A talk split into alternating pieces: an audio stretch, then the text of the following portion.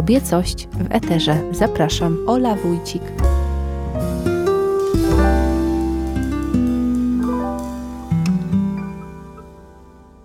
Moim gościem jest Natalia Białobrzeska, publicystka, twórczyni drużyny B.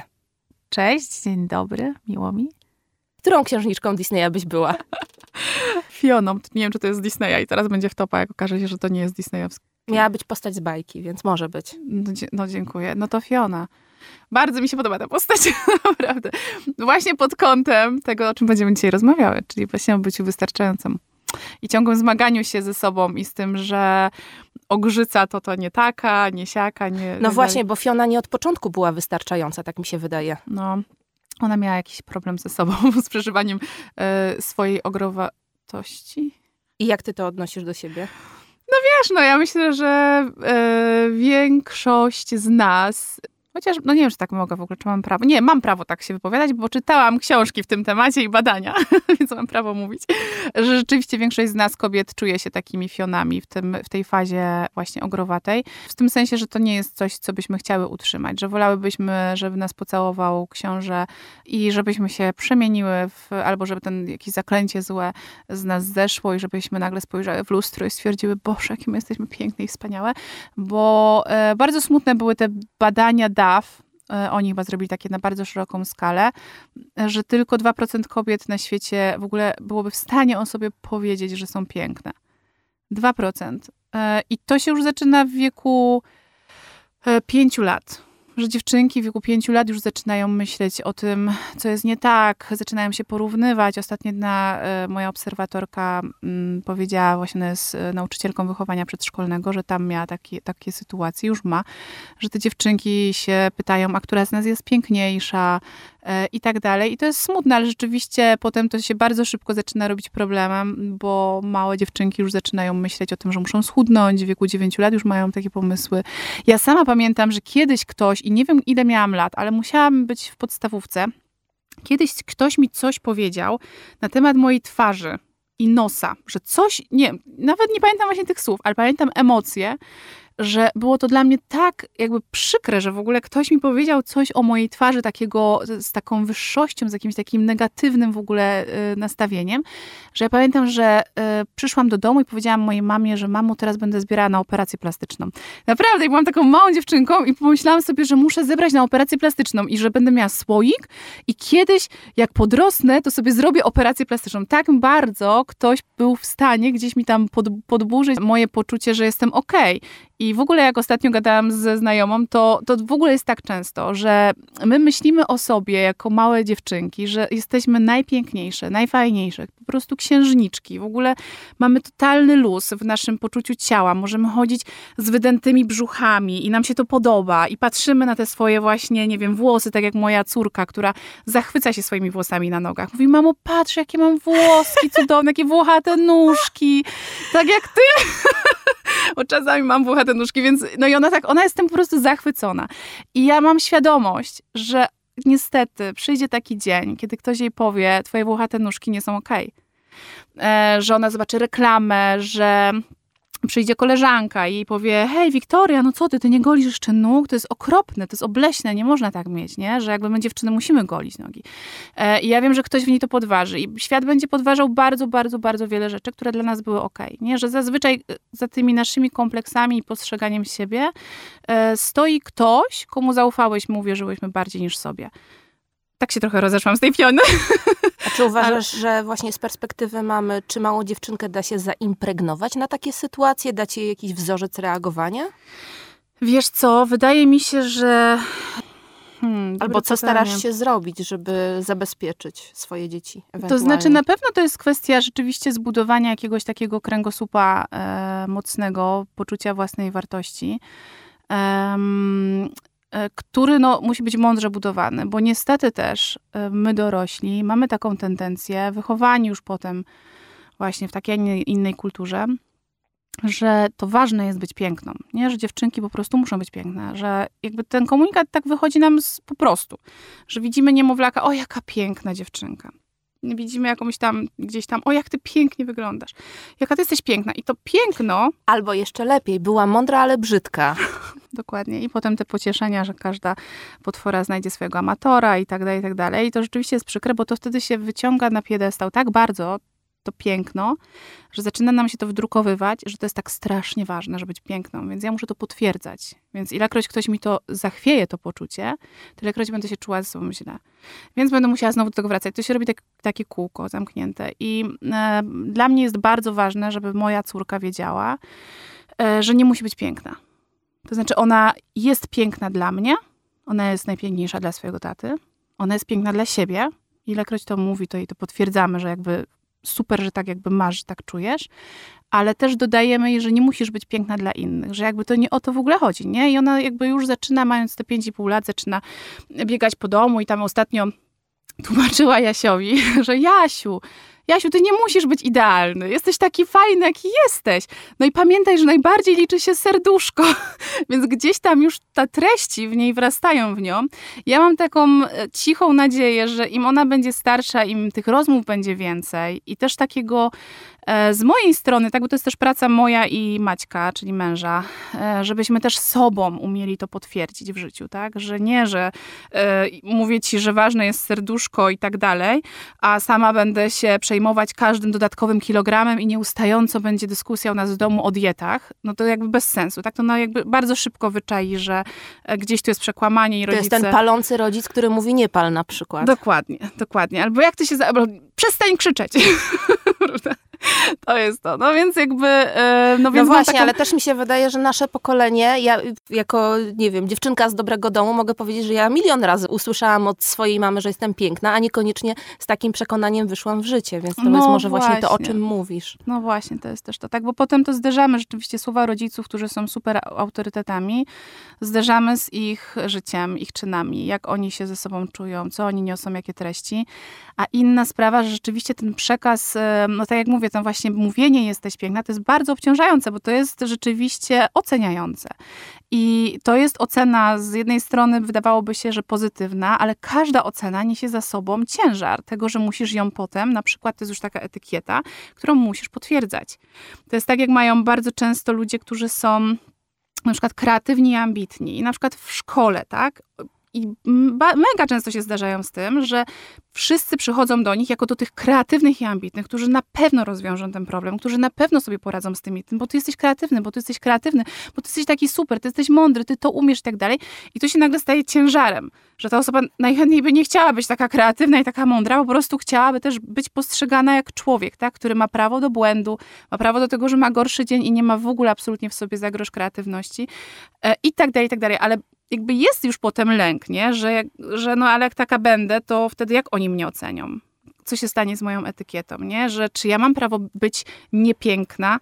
I to jest e, ten na przykład czas kobiet w ciąży.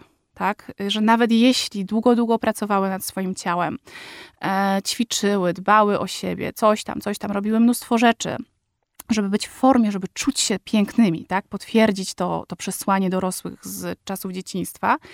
I takie były, i tak się powiedzmy, że czuły, to potem zachodzą w ciąży, to ciało się nagle tak zmienia, jakby poza nimi gdzieś, tak? Że jest to taka siła po prostu, gdzie dalej się starają robić różne rzeczy, no ale w końcu te rozstępy gdzieś tam wychodzą czasem. Coś tam wyskakuje na twarzy, coś tam się zmienia, potem ten brzuch jest rozciągnięty i jest dramat. Jest rzeczywiście taki problem w życiu, że e, no, no jakby już nie, nie czuję się, nie? Już nie jestem.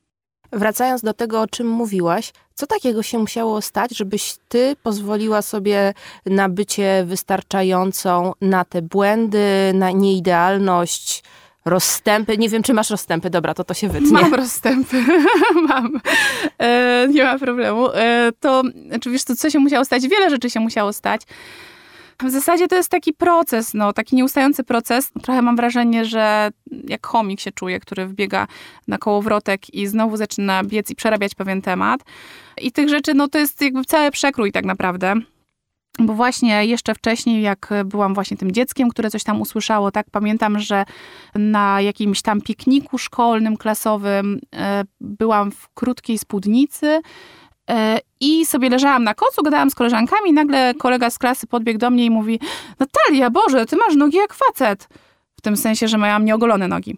I pamiętam, że to był pierwszy moment, kiedy ja w ogóle pomyślałam, że z moimi nogami jest coś nie tak, że ja mam naprawdę coś nie tak.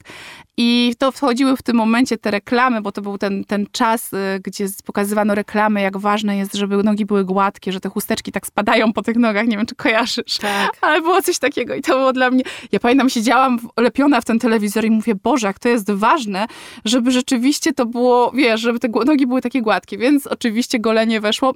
Rozumiesz, to się tak zaczyna przyjmować. I to są takie różne, różne etapy w życiu. I wiadomo, że wtedy trudno jest, jak się jest młodą osobą, gdzie te hormony działają, gdzie się chce przynależeć do grupy, gdzie to i tam, to różne rzeczy działają, trudno jest, a nie wiem, czy w ogóle możliwe, oprzeć się presji. No chyba, że byłoby się w takim środowisku dorosłych, którzy by czuwali, tak? I jakoś tam by reagowali. Lata 90., tak? Nasze dzieciństwo. Niekoniecznie. Właśnie. Ale z drugiej strony, y, moja mama na przykład, y, nie wiem, czy ty też masz takie, z, tak, takie zderzenie z taką rzeczywistością, ale moja mama to była kobieta, która nie goliła się. Jakby i ona naprawdę się czuła cały czas sexy. I ona miała koleżanki, które się nie goliły. One chodziły sobie po plaży. Jakby wiesz, bo one były te, z tego pokolenia, gdzie się nie golono jeszcze. Właśnie, bo chyba jak się obejrzy samych swoich i tam Anna Dymna no, podnosi no, no. rękę i tam te włosy, to Dokładnie. pamiętam jak moja siostra się z tego śmiała. Moja mama to tak okazjonalnie. No właśnie, ale wiesz... Ale większy ale, luz. No właśnie, większy luz, dokładnie. I te kobiety można było spotkać różnorodne, nie? Więc one jakby nie miały takiego, wiesz, jakiegoś jeszcze poczucia, że muszą coś... Albo na przykład ja kojarzę coś takiego, że parę lat temu wyjście na ulicę bez stanika było czymś niedopuszczalnym, teraz to wraca, a pokolenie mojej mamy, no moja mama mówi, że one dumnie prezentowały swoje biusty, jakie by te biusty nie były. Dokładnie, dokładnie. I to jest niesamowite, nie? Jak to się zmienia. E, więc, więc właśnie, więc jest to takie naprawdę ogromne zdarzenie. Ja myślę, że my żyjemy o tyle w trudniejszych czasach, że ten przekaz jeszcze medialny jest tak silny, nie? że jakby te, te firmy, one tak mocno lobbują, że właśnie musisz, musisz, musisz, musisz tego i tego używać, żeby być taka i taka. E, więc rzeczywiście tych etapów, których e, ja sobie mogłam pomyśleć, albo w których wchodziłam w jakieś myślenie w ogóle o sobie, czy ja się sobie podobam i czy się akceptuję w takiej wersji, jaką jestem, było sporo. E, na pewno to też się wiązało w pewnym momencie z odchudzaniem. To pamiętam też miałam taki moment, że pierwszy raz w życiu w ogóle wpadłam na ten pomysł i to było chyba pod koniec gimnazjum, jak zaczęłam z koleżanką biegać i, i coś tam i tak dalej. Tak więc to było takich momentów wiele, ale one wtedy jeszcze były na takim bardzo, bardzo niskim poziomie świadomości siebie.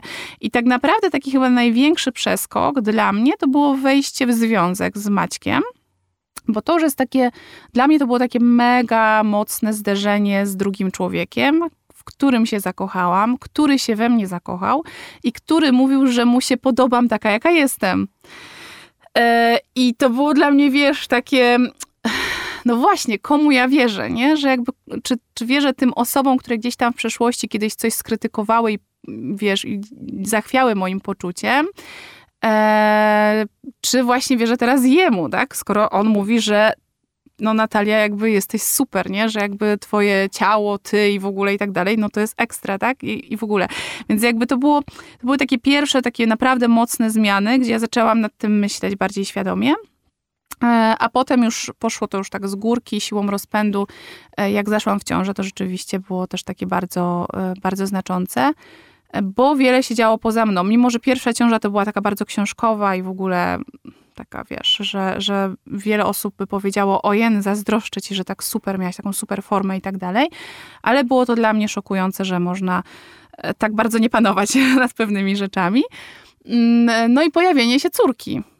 Bo to jest zawsze, wiesz... No właśnie pomyślałam sobie, że to jest chyba dobra szkoła kobiecości, wychowywać mocno. inną młodą kobietę. Tak, tak, mocno. Dlatego, że zderzasz e, swoje wychowanie, siebie, relacje z mamą, przenosisz też jakby, wiesz, na, na swoją relację, bo nagle ty jesteś mamą dla kogoś i to jest, to jest naprawdę niesamowite.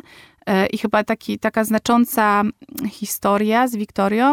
Pamiętam, że była taka sytuacja, że ja się szykowałam na randkę z Maćkiem i, e, no i siedziałam w toalecie i tam się malowałam, coś tam, bo jeszcze wtedy się malowałam, bo miałam takie fazy. No i wychodzę z tej toalety, no i jak tak dla mnie to było zupełnie naturalne, że wychodzę i pokazuję się Maćkowi, mówię, no to patrz kochanie, jak wyglądam i tak się zaczęłam, wiesz, poruszać i tak dalej. I Maciek mówi, uuu, wow, ale ekstra i w ogóle kochanie, no seksownie, super, super. No a dzieciaki gdzieś tam latały, się bawiły, nie? E, I ja w ogóle absolutnie myślałam, że one tego nie rejestrują. ale dzieci wszystko rejestrują, to trzeba mieć na względzie. One mają uszy, takie radary i wszystko sobie zapamiętują. I pewnego razu e, Wiktoria patrzy się, a ona chodzi taka wymalowana w moich kosmetykach cała, tam wiesz, jak, jak to dzieci, tak? Takie wiesz, te oczy wielkie jak panda, usta tutaj pod nosem pomalowana tą szminką. No i to wyglądało zabawniej w ogóle, więc pośmiałam się i mówię, Wiwusia, co, co zrobiłaś, że dlaczegoś tak pomalowałaś? A ona mówi, wiesz mamo, bo jak jestem pomalowana, to jestem wtedy taka piękna. Ona miała trzy lata. I ja po prostu autentycznie miałam tak, jakby mi ktoś liściem strzelił po prostu w twarz. I taki, wiesz, takie ocknięcie się, że dla niej to, co my dorośli sobie niewinnie tam flirtujemy i coś tam robimy sobie, jakieś tam przekazy między sobą, to dziecko odbiera to przez swoje postrzeganie świata, przez swoją, wiesz, jakby swoje dziecięce oczy. I ona zrozumiała, że mama, skoro wychodzi z tej toalety wymalowana i wtedy tak się rusza i tak dalej, i taka jest szczęśliwa, a tata ją tak komplementuje, to pewnie dlatego, że właśnie jest wymalowana, nie? Że jakby, że to jej tak dodaje tej, tego piękna.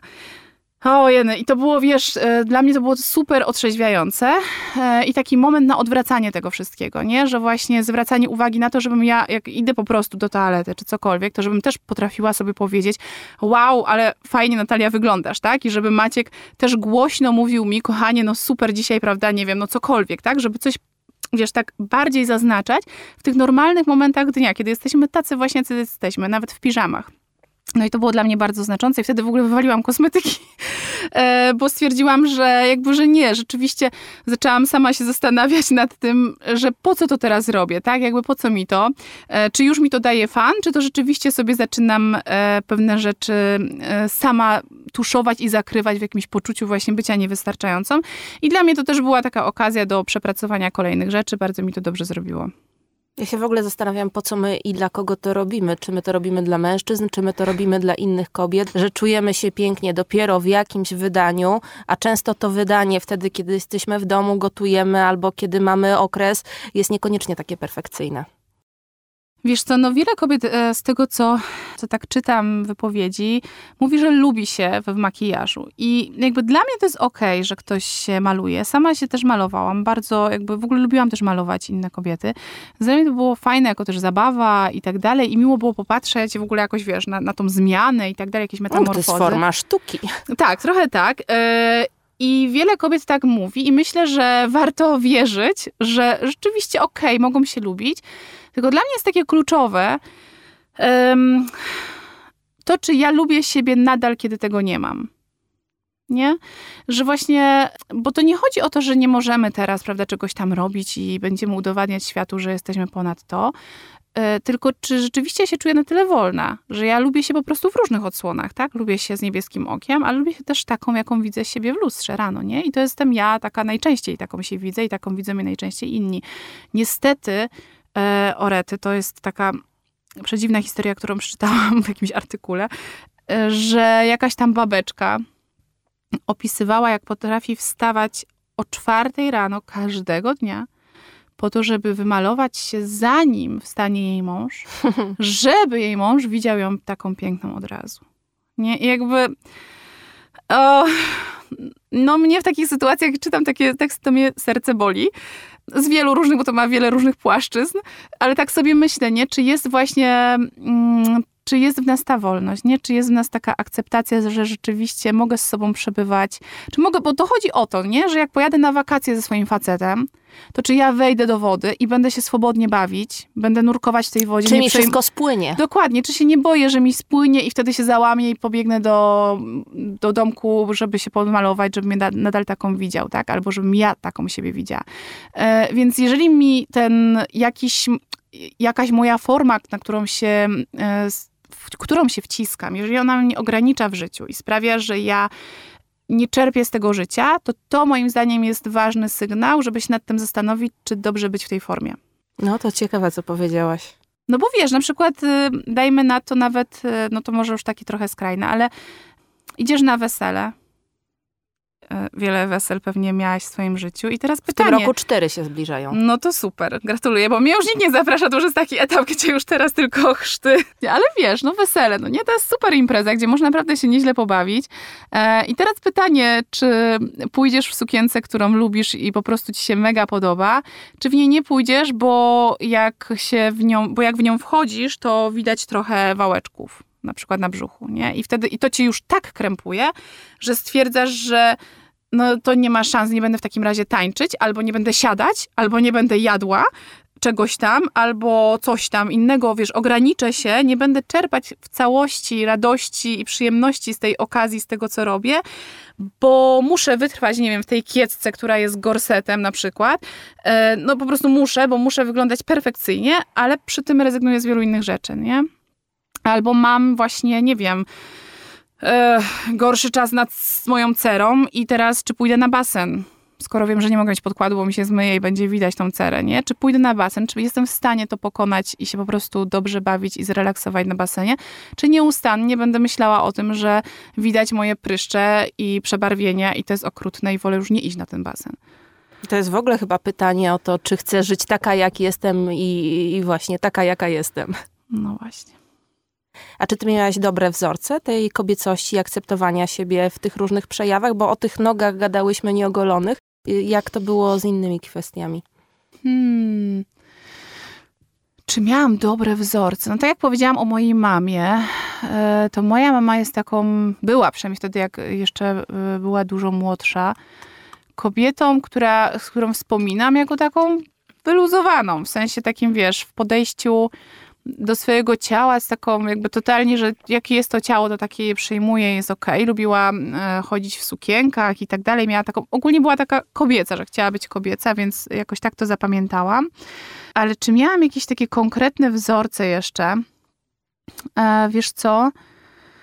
Jak myślę o tym środowisku w ogóle kobiet, które gdzieś tam wokół mnie były, no to nie, raczej nie raczej często się spotykałam z takimi kobietami umęczonymi, takimi Matki wiesz, Polki. Tak, tak, w takim tym smutnym wydaniu. Em, też w takim kościółkowym wydaniu w dużej mierze, e, gdzie dużo trzeba było się kontrolować mocno w, w różnych wymiarach. Em, Pamiętam, że bardzo duże jakieś takie odbicie dla mnie miało, e, miał taki ksiądz, który gdzieś tam, z którym współpracowałam mocno i, mm, i pamiętam, jak on mi to mówił gdzieś, że Natalia, powinnaś być jak Maryja. I no i tam mi mówił, że nie powinnaś się malować, że dekol tylko na dwa palce, że sukienki jakieś tam i tak dalej. Pamiętam, że, ja, że byłam młoda, więc w ogóle dla mnie to było trudno, wiesz, do odparcia, nie? Jak masz jakiś taki autorytet, który jest gdzieś tam. E, więc te wzorce były takie bardzo, bardzo różne i raczej, raczej nie były jakieś super fantastyczne. Rzeczywiście ja się musiałam sama szukać na nowo. No tak, bo ta kobiecość wyzwolona w kościele może być niebezpieczna i prowadzi na złą drogę. No, myślę, że może być. Znaczy, to jest dobre pytanie w ogóle, czym jest kobiecość w kościele. To o tym chyba można książki pisać, e, jak sobie rzeczywiście ją wyobrażamy. E, ja myślę, że w kościele o tyle jest to mm, trud... Wolę właśnie mówić jakiś konkretny ksiądz niż sam kościół, bo prawdopodobnie znajdę też kilku innych księży, którzy mi powiedzą zupełnie coś innego i Jasne. na teraz byłoby to jakby spoko. E, I myślę, że to jest ten problem, że można trafić różnie. Może bardziej by tu należało mówić o jakiejś źle rozumianej kulturze takiej patriarchalnej, to tam może to, tą kobiecość trzeba ujmować w jakieś ramy i, i niekoniecznie wiązać tego z religią, tylko właśnie z jakimiś określonymi rolami społecznymi. Znaczy wiesz co, ale myślę, że jednak Kościół to też wzmacnia, mimo wszystko, że nie da się tego ukryć, bo jednak rzeczywiście z tej kultury patriarchalnej wychodzi.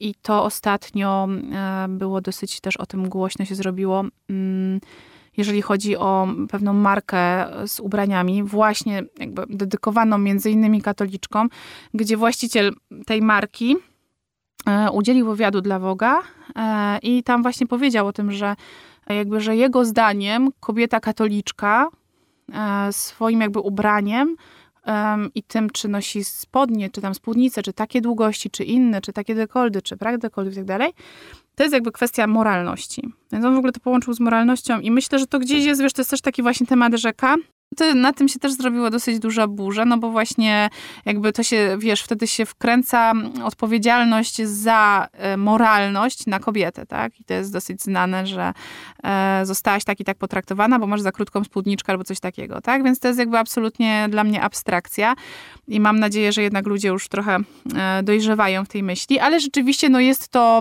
tak wlazłyśmy na ten kościół, ale rzeczywiście gdzieś tam jest po prostu tam taki grunt, gdzie można takie myśli łatwo sobie wyhodować że łatwo sobie rzeczywiście gdzieś się w kościele znaleźć poparcie. To jest trochę smutne. Chociaż rzeczywiście...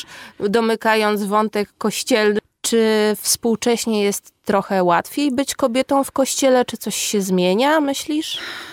To by zakładało, że w ogóle nie jest być łatwo kobietą w kościele, ale do, do znaczy, nie wiem, jak to sformułować znaczy w ogóle, Ja myślę, że ostatnio gdzieś to ktoś powiedział, kurczę, bo jakiś komik powiedział, że w sumie to w jakichkolwiek czasach byś się nie urodził gdziekolwiek, to najgorzej urodzić się kobietą.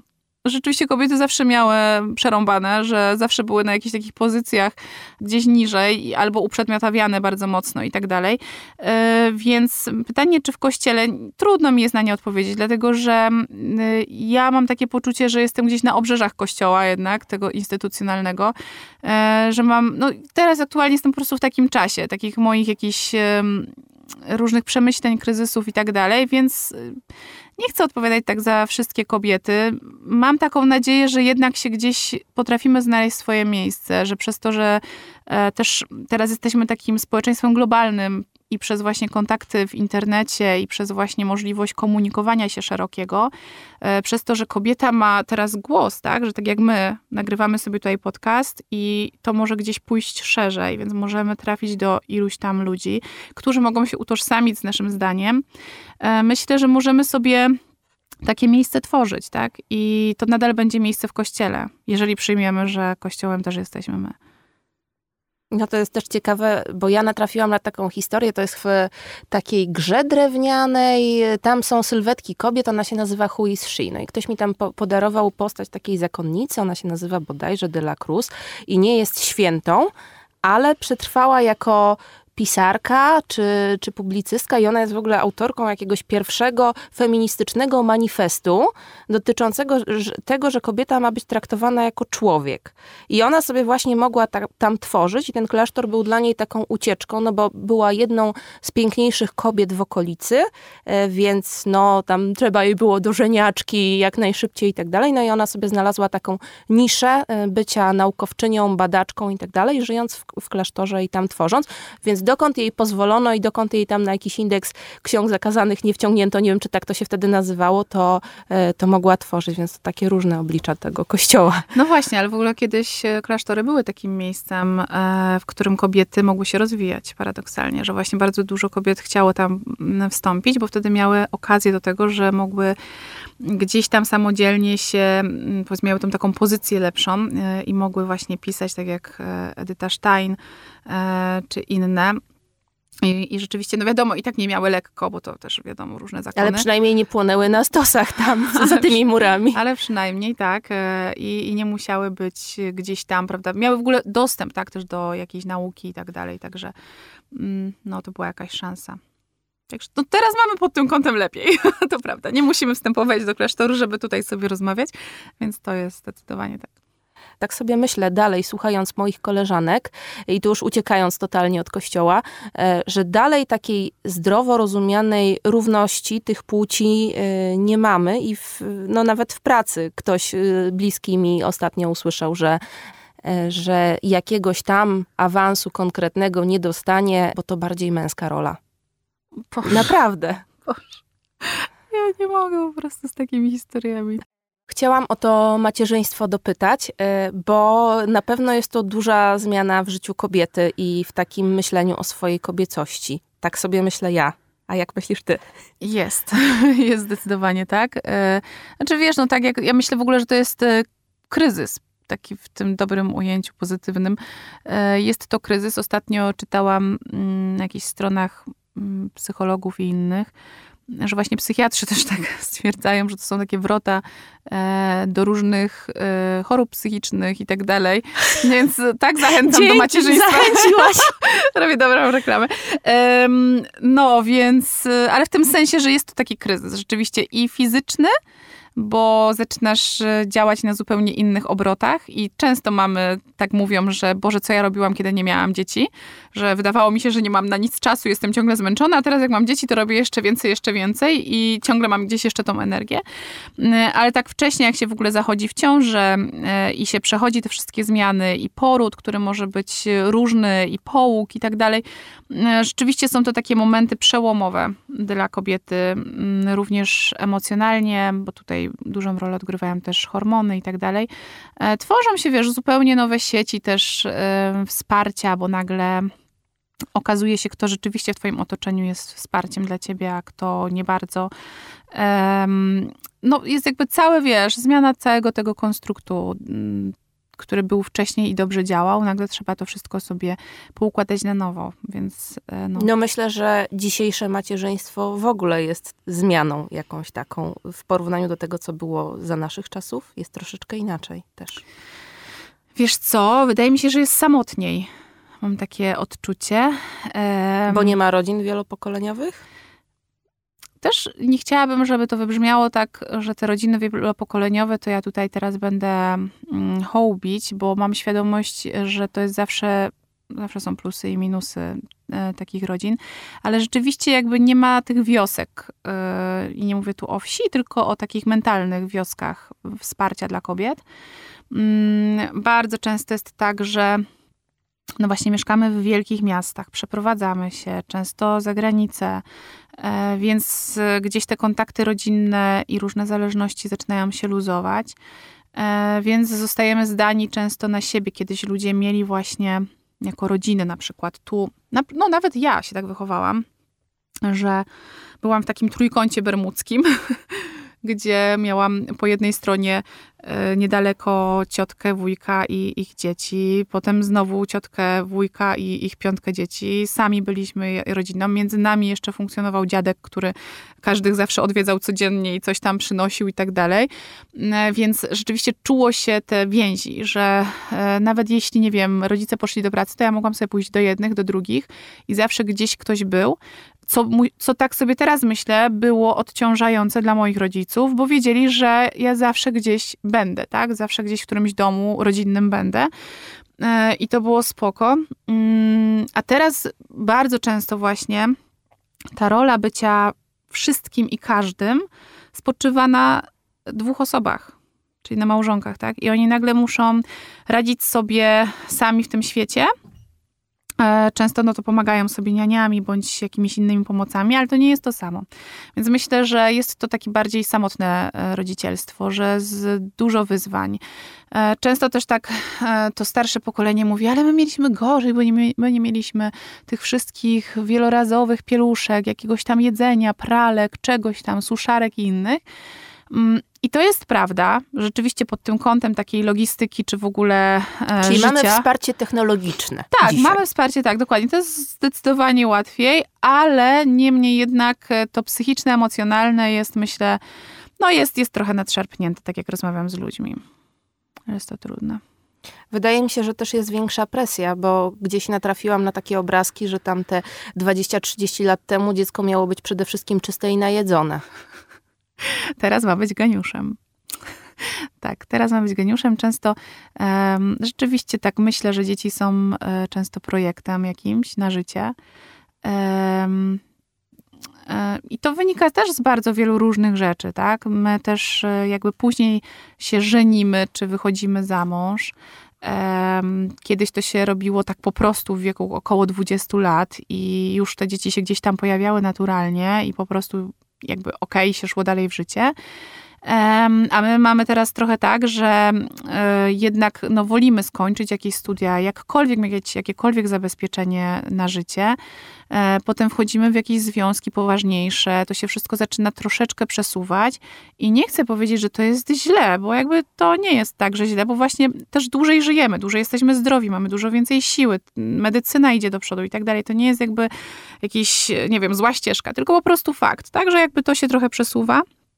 E, I przez to też e, często ta liczba dzieci, bo niestety coraz więcej par i to jest jakaś choroba cywilizacyjna już, e, i cierpi na niepłodność, mają problemy z zajściem w ciążę, więc to się też często przesuwa.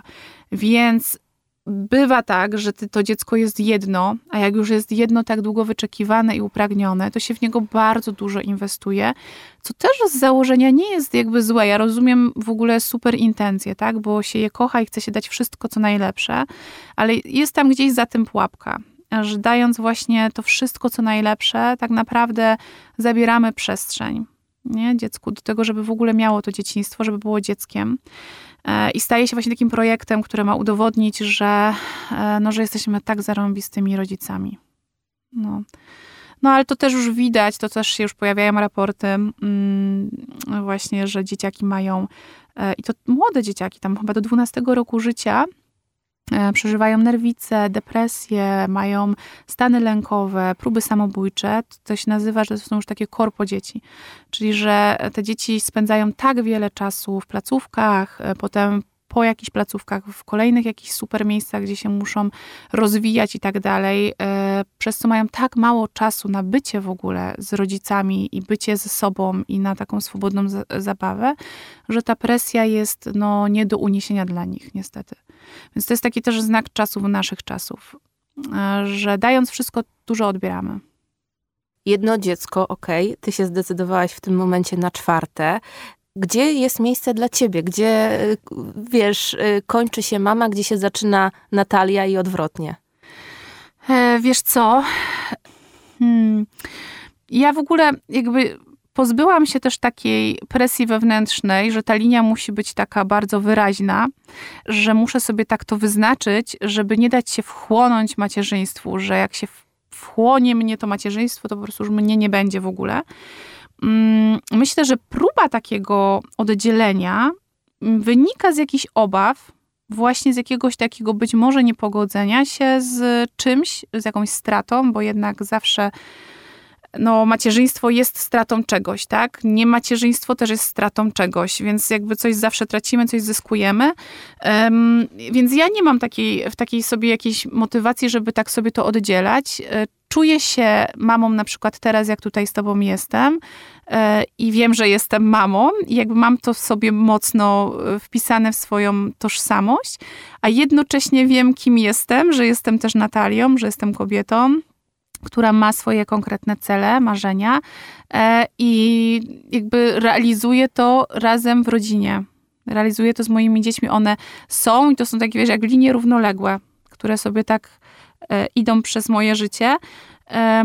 W wielu miejscach się przecinamy, ale nadal gdzieś one się gdzieś, gdzieś tak biegną obok siebie i to jest, myślę, że to jest dobre. E, ja czuję spokój. Ja nie czuję się jakby zjedzona przez.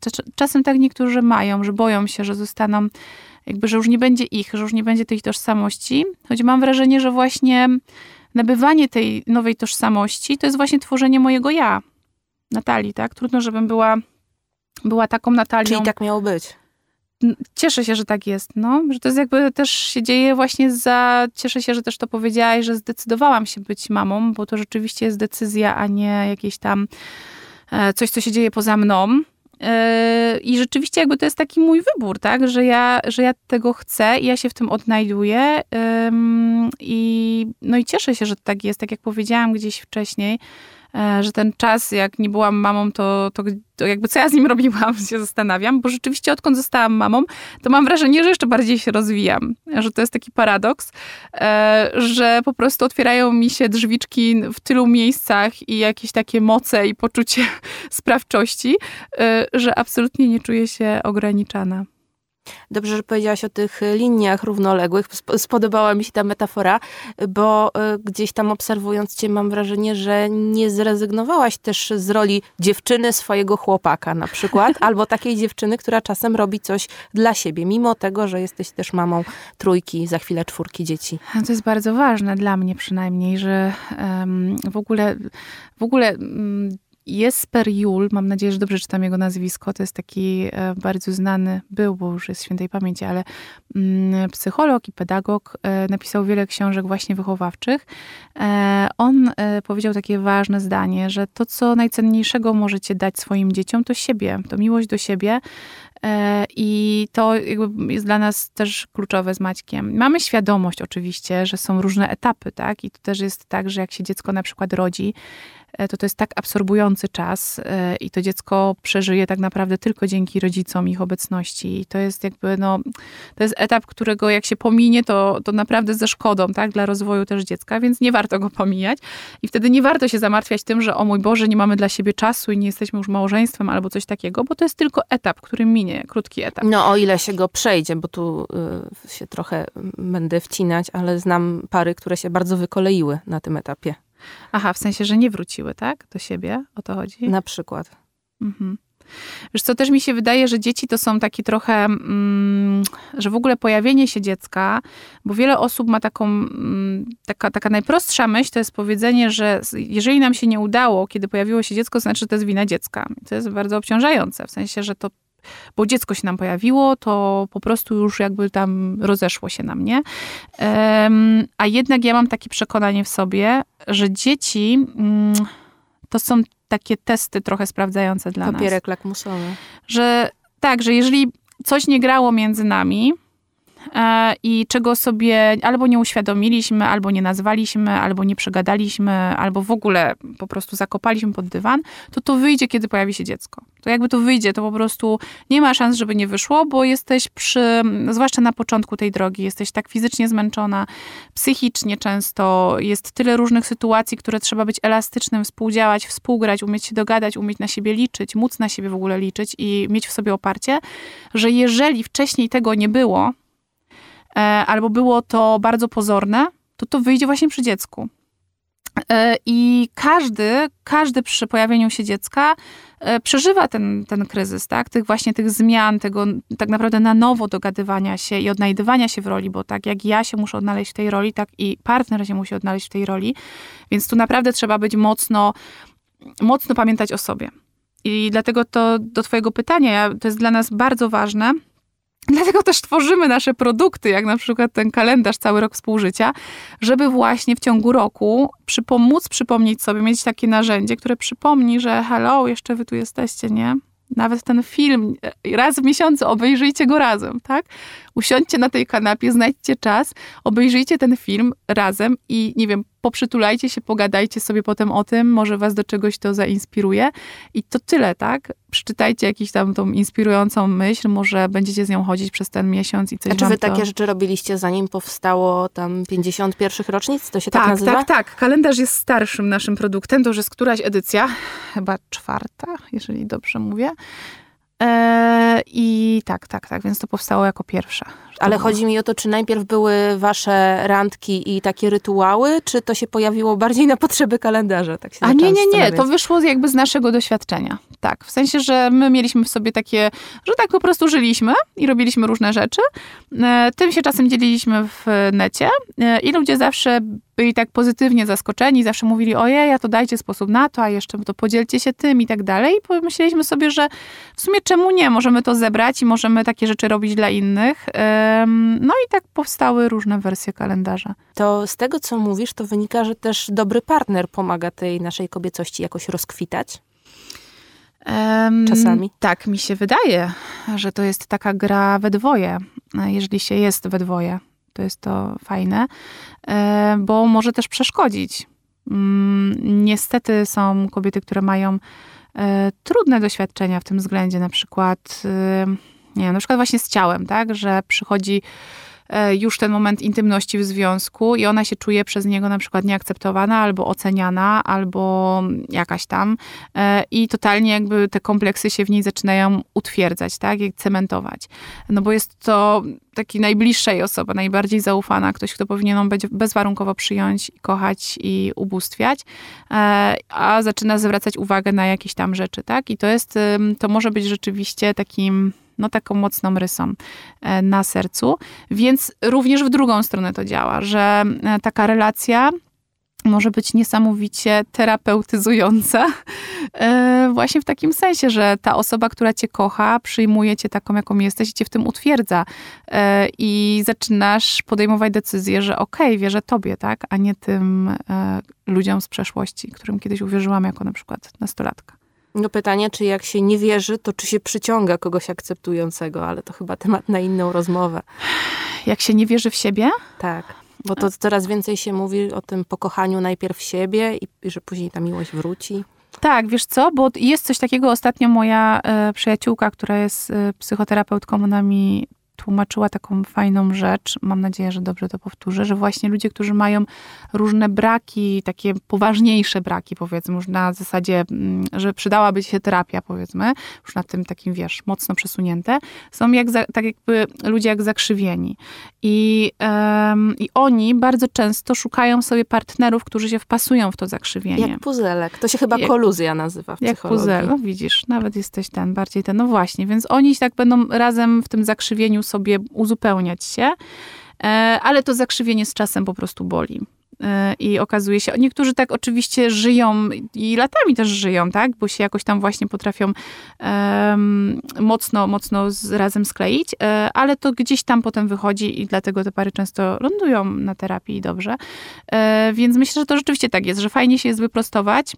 Mm nawet jeśli się nie jest osobą, która by się nadawała na terapię, tylko ma się po prostu jakiekolwiek tam, jak każdy, tak, jakieś swoje problemy, to myślę, że fajnie jest rzeczywiście to, e, to w sobie przepracować. Aczkolwiek też bym nie podchodziła do tego tak jednoznacznie, że e, że muszę być idealna, bo to znowu właśnie z, z drugą stronę wchodzi, tak, że ja muszę już taka być perfekcyjna z sobą samą, tak się dobrze czuć, tak po prostu być idealnie pogodzona i pokochana i w ogóle, że dopiero wtedy wejdę w związek. Nie, no to też, też jest takie hamujące, bo, bo jakby no kurczę, no jesteśmy ludźmi, mamy swoje zranienia i to nie jest nic złego, że wejdziemy w związek e, z jakimś tam zranieniem, którym jakby zaufamy drugiej osobie i mówiąc w cudzysłowie, powierzymy, tak?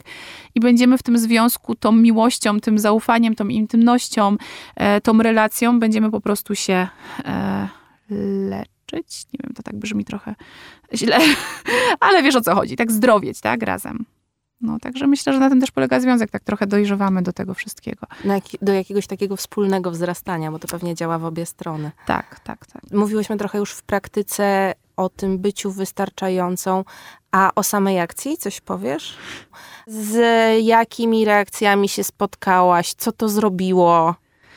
Wiesz co, to zrobiło dobrze, wielu, wielu kobietom. Mi zrobiło to dobrze. Dla mnie to też, wiesz, to nie było dla mnie takie zupełnie oczywiste, że stanę przed lustrem i sobie pyknę zdjęcie mojego brzucha, bo akurat wtedy robiłam zdjęcie z moim brzuchem, z rozstępami i tak dalej bo ja nie miałam takich zdjęć. Ja w ogóle nie pokazywałam się tak na swojej tam, wiesz, ścianie. I jakby dla mnie to było takie, dla mnie to było jakby coś nowego. I jakby w ogóle wejście z takim tematem do moich e, obserwatorek i obserwatorów było takim, hmm, no dobra, teraz się zacznie nowa era u mnie na drużynie B, że to będzie w ogóle, wiesz, coś zupełnie inny temat i bardzo się cieszę, że, że się odważyłam i że to poszło, bo rzeczywiście odzew to była po prostu jak fala. To było tak niesamowite dla mnie, jak wiele z nas potrzebowało tego. Dziewczyny mi mówiły, że poczuły ulgę. Z różnych kręgów społecznych. Tak, bardzo, bardzo. I to jest niesamowite. I to mnie chyba najbardziej ucieszyło, że właśnie, kurde, no naprawdę, każda z nas gdzieś ma jakiś.